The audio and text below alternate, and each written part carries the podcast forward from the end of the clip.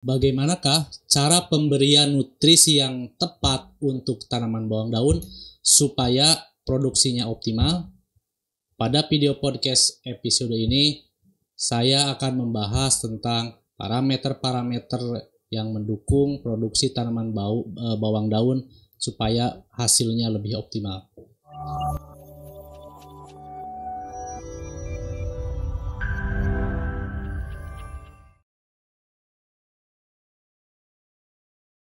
Halo, selamat datang di channel YouTube kami, NPK Mutiara TV. Di channel ini, Anda akan mendapatkan informasi dan edukasi seputar pertanian, khususnya nutrisi tanaman. Tonton video-video kami, jangan lupa like video kami, subscribe, dan pentung tanda loncengnya untuk terus mendapat update dari kami.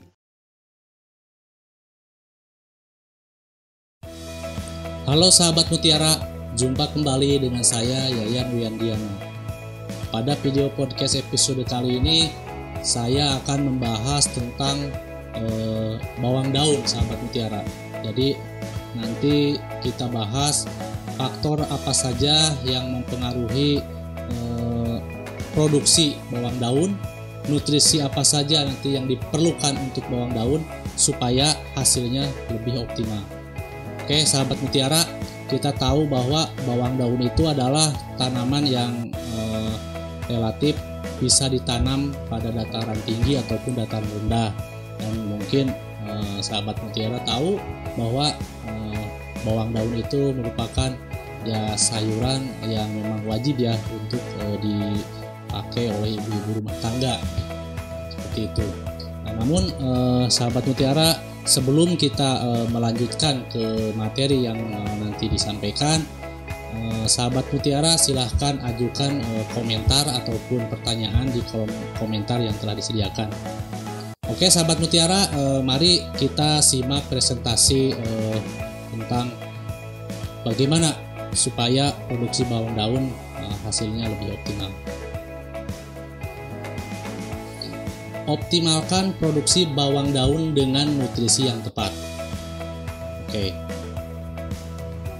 sahabat mutiara, mungkin uh, saya di sini akan uh, kita flashback dulu ke belakang bahwa ya bawang daun itu sejarahnya dulu lah, mungkin sekilas saja bahwa memang bawang daun itu bukan asli tanaman kita ya sahabat mutiara. Jadi bawang daun itu uh, aslinya tanaman dari uh, wilayah Asia ya ya baru uh, berkembang uh, seiring zaman uh, masuk ke Indonesia. Bawang daun ini uh, meluas ditanam di Indonesia karena ya kita tahu bahwa di Indonesia itu beriklim tropis dan beberapa daerah yang subtropis pun itu relatif lebih apa lebih bisa ditanam di sana, sahabat mutiara. Selanjutnya bawang daun ini termasuk jenis tanaman sayuran berumur pendek atau semusim. Ini menurut Cahyono 2009 ya. Memang bawang daun itu kan dari apa dari uh, umur panen bila dibandingkan dengan yang lain itu memang relatif lebih cepat. Tergantung kita mau ditanamnya uh, tergantung kebutuhan sahabat mutiara. Mau di umur uh, misalkan dua bulan ataupun mau untuk bibit ya sekitar umur 80 hari itu maksimalnya dipanen sahabat mutiara Selanjutnya bawang daun ini selalu menumbuhkan anak-anakan, anak-anakan uh, yang baru sehingga kan bentuknya seperti ya rumpun sahabat mutiara. Jadi seperti itu. Adapun klasifikasi dan uh, morfologi dari tanaman bawang daun ini ya kalau genusnya itu genusnya Allium ya. Jadi uh, satu genus sama bawang merah.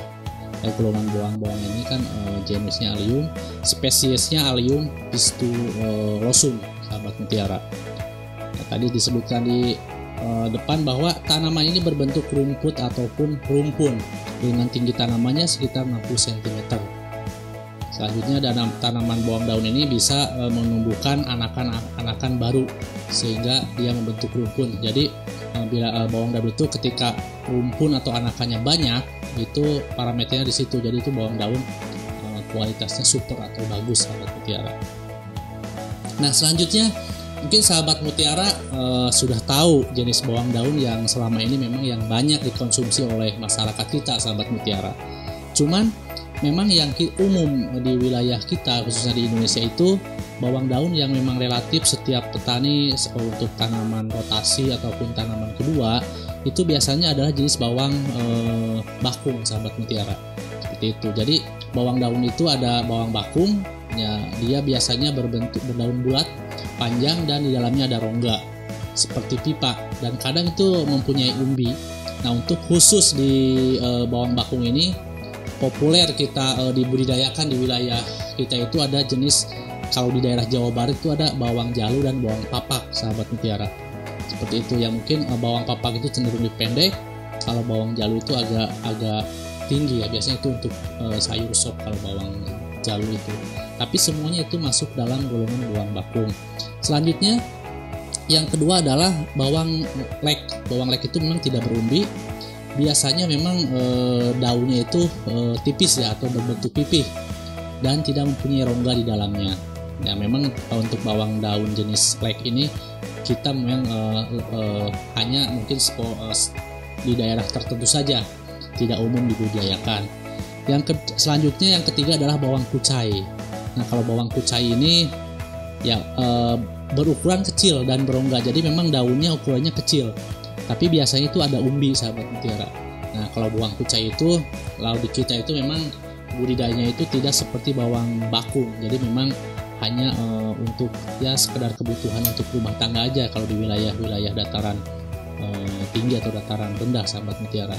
Beda sama bawang jalu atau bawang papak. Itu memang sudah dibudidayakan secara meluas memang untuk skala usaha seperti itu. Selanjutnya untuk eh, uh, luas uh, bawang daun yang yang apa yang ada di Indonesia itu ya dari sekian banyak uh, apa sekian banyak komoditi memang bawang daun itu bukan tanaman utama. Tidak seperti cabai rawit atau bawang ataupun ya kentang. Jadi bawang daun itu hanya uh, sebagai tanaman sekunder uh, tanaman kedua lah sahabat mutiara. Biasanya kan kalau daerah dataran tinggi itu untuk dijadikan rotasi atau tumpang sari sorry untuk tumpang sari atau rotasi tanaman-tanaman utama. Selanjutnya bawang daun ini di setiap daerah bisa tumbuh mau di dataran rendah ataupun di dataran tinggi sahabat mutiara. Terus umur panennya cepat. Nah, untuk harga memang kecenderungan itu harga bawang daun itu relatif lebih stabil sahabat mutiara.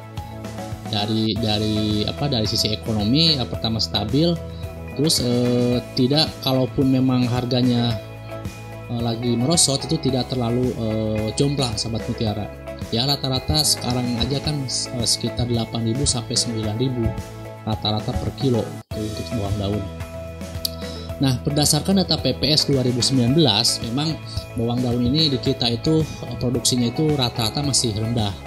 Sekitar 10 sampai ya sampai 11 ton lah per hektar. Nah, kalau misalkan saya pernah baca jurnal juga bahwa memang di daerah-daerah di luar negeri itu potensinya itu bisa tinggi sahabat mutiara itu bisa sampai ya 15 atau 20 ton bahkan lebih. Ya mungkin di kita pun dengan uh, apa dengan asupan nutrisi yang bagus ada uh, petani petani bawang daun yang hasil potensi hasilnya itu bisa uh, melebihi dari uh, apa data BPS ini ada sebenarnya sahabat mutiara. Seperti itu. Nah untuk uh, potensi potensi daerah yang ada bawang daun di wilayah Indonesia itu di kita itu ya kalau dibilang berapa ini ya ya 8 besar lah 8 besar ini. Memang untuk daerah Sulawesi terus Jawa Tengah Jawa Barat Jawa Timur Sumbar itu memang uh, dominan lebih banyak penanaman bawang daun. Ya kalau misalkan Jawa lah Jawa itu memang sentra untuk uh, bawang daun sahabat mutiara. Ya Jawa sama Sulawesi Utara jadi memang dengan adanya banyak ditanam itu ya ada potensi yang memang bawang daun pun perlu dikembangkan sahabat pikir seperti itu seperti itu. Karena meskipun tanaman itu bukan tanaman utama tapi ya bernilai ekonomis yang tinggi bawang daun ini. Selanjutnya sahabat mutiara untuk hasil produksi bawang daun yang baik seperti apa? Nah yang baik itu maksudnya adalah produksinya kuat dari kualitas dari ya, dari kualitas apa dari kualitas tanamannya baik maupun dari kuantitas atau banyaknya hasil panen pun baik seperti itu maksudnya sahabat mutiara. Tentu sahabat mutiara banyak faktor-faktor yang mendukung untuk supaya hasil tanaman bawang daun yang dibudidayakan itu lebih uh, berproduksi lebih tinggi. Salah satunya adalah pertama syarat tumbuh harus diperhatikan yaitu lingkungan. Ya kita tahu bahwa e, fenotipik dari suatu tanaman itu adalah geno, uh, adanya gabungan genotip atau dari uh, genotip dan lingkungan sahabat mutiara. Nah, seperti itu. Jadi faktor lingkungan pun harus sahabat mutiara perhatikan. Yang kedua adalah pilih bibit yang bagus. Nah ini bibit pun harus benar-benar diperhatikan karena ketika bibitnya kurang baik atau misalkan kurang uh, biasanya bawang daun itu pemilihan bibit itu biasanya umurnya itu harus tua. Ya misalkan 80 hari itu udah bisa udah bisa dijadikan bibit Beda kalau misalkan umur bibitnya masih muda, misalkan umur 40 hari, 50 hari kita jadikan bibit itu pasti banyak masalah karena kurang maksimal untuk bibitnya seperti itu. Ketiga adalah pemeliharaan yang optimal. Pemeliharaan yang optimal itu yang banyak e, meliputi ya. Nanti saya jelaskan di depan bahwa e, mungkin beda untuk bawang daun dengan tanaman yang lainnya.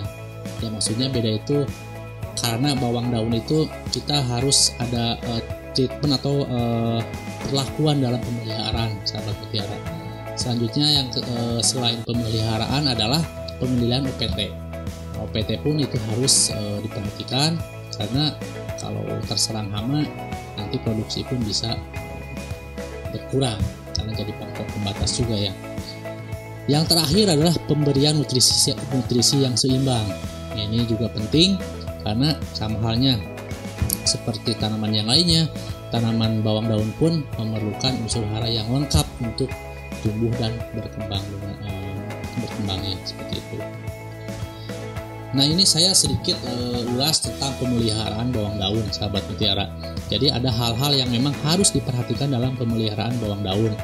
Yang pertama, bawang daun itu mem, uh, menginginkan kan kelembaban tanah yang yang lembab lah jangan terlalu kering jangan terlalu becek juga makanya ketika kalau ketika tanah kering itu harus dilakukan penyiraman jadi penyiraman penyiraman bertujuan supaya tanah lembab biasanya intervalnya sekitar 2 sampai 3 hari sekali untuk penyiraman itu yang paling penting untuk bawang daun soalnya kalau misalkan tanahnya kering itu nanti proses e, pembentukan anakan itu terganggu Selanjutnya adalah penyulaman. Itu penyulaman itu bila ada tanaman yang mati ataupun kurang bagus itu baru biasanya disulam sahabat mutiara.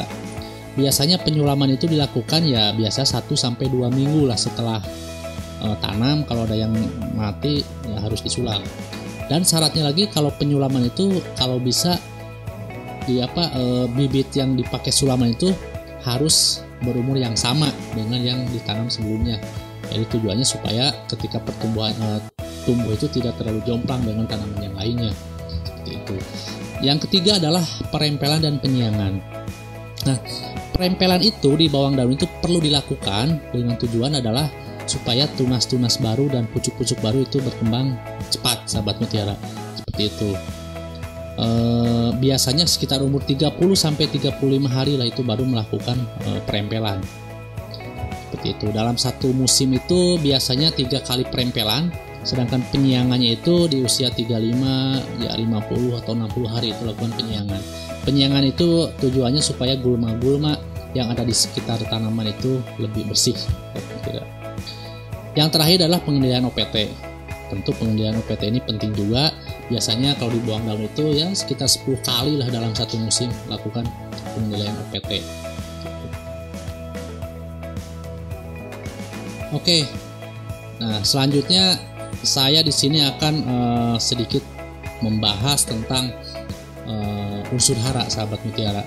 Jadi kalau dalam tips berbudidaya bawang daun itu kan ada beberapa hal yang perlu diperhatikan yang tadi disebutkan di uh, awal itu.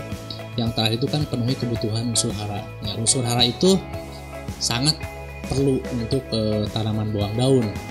Ya dengan melengkapi unsur hara uh, nitrogen, fosfat, kalium, kalsium, magnesium, dan sulfur itu unsur hara mikro dan makro dan mikronya yang minimal tanaman bisa berkembang dengan baik sahabat mutiara tentu Selain unsur hara makro dan mikro, eh, unsur hara makro yang nitrogen, fosfat, kalium tersebut, ada unsur hara yang lain yang memang sahabat mutiara perlu perhatikan.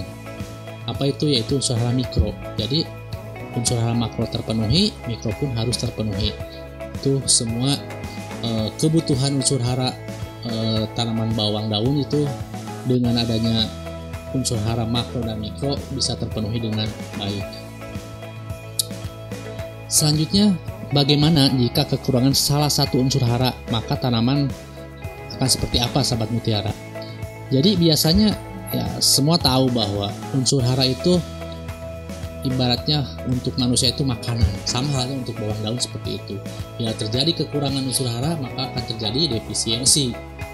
Defisiensi ini jadi faktor pembatas untuk hasil panen yang maksimal sahabat mutiara.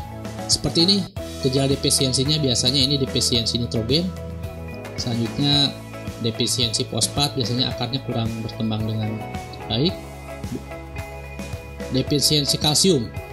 Nah, defisiensi kalsium ini biasanya terjadi pada musim kemarau itu biasanya di pucuk daun e, ada warna kuning sahabat mutiara itu biasanya di bawang daun itu ciri khas defisiensi kalsium defisiensi kalium biasanya tanaman bawang daun cepat roboh ini aja hanya sebagian dari uh, defisiensi yang umum terjadi pada bawang daun, sahabat mutiara. Selanjutnya, bagaimana caranya kita memberikan nutrisi untuk bawang daun supaya uh, hasil produksinya lebih optimal? Unsur hara itu uh, unsur hara yang seimbang itu disesuaikan dengan kebutuhan di setiap fase pertumbuhan, sahabat mutiara biasanya eh, pertama berdasarkan fase pertumbuhan jadi nutrisi yang diperlukan untuk bawang daun sebesar apa. Kemudian yang kedua adalah defisiensi hara. Defisiensi hara itu seperti tadi ada yang misalkan defisiensi fosfat defisiensi nitrogen ataupun defisiensi kalium. Terus kesuburan tanah dan curah hujan itu menjadi pertimbangan kita menentukan eh, berapa banyaknya eh, nutrisi untuk tanaman bawang daun. Nah ini sahabat mutiara, unsur hara yang seimbang sesuai dengan kebutuhan. Nah ingat sesuai dengan kebutuhan di tiap fase pertumbuhan tanaman bawang daun itu. Ketika kita tepat memberikan di setiap fasenya, itu jadi eh, bisa membantu tanaman berproduksi ataupun ya eh, hasil panen itu lebih maksimal. Untuk bawang daun sendiri, misalkan gini, ini kan di fase vegetatif dan generatif lah. Biasanya kan kalau e, bawang daun itu yang kita panen itu adalah batang dan e, daun ya, sahabat mutiara. Nah, untuk fase vegetatif, bawang daun itu memerlukan asupan nitrogen yang banyak dan fosfat yang banyak. Nah, kaliumnya sedikit sahabat mutiara karena ketika fase vegetatif itu dia bawang daun itu pertama supaya daunnya lebih hijau anakannya banyak perakarannya lebih baik. Jadi memang nitrogen sama fosfat itu lebih banyak. Selanjutnya di fase generatif. Nah sebenarnya di bawang daun itu fase generatif itu maksudnya adalah fase menjelang panen sahabat mutiara. Fase menjelang panen itu ya di umur-umur sekitar umur-umur 50 atau 60 hari. Karena bawang daun itu kan 70 hari 75 hari itu sudah bisa dipanen sahabat mutiara. Nah di fase generatif ini asupan nitrogen, fosfat, dan kaliumnya memang yang paling dominan adalah kalium, sahabat mutiara, seperti itu.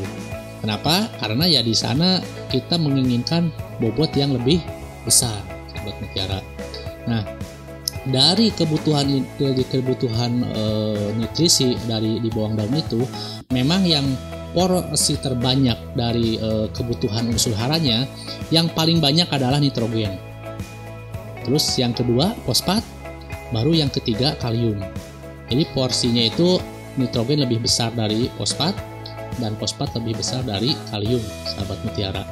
Nah, ada suatu jurnal dari ASEAN Journal uh, of Plant Science.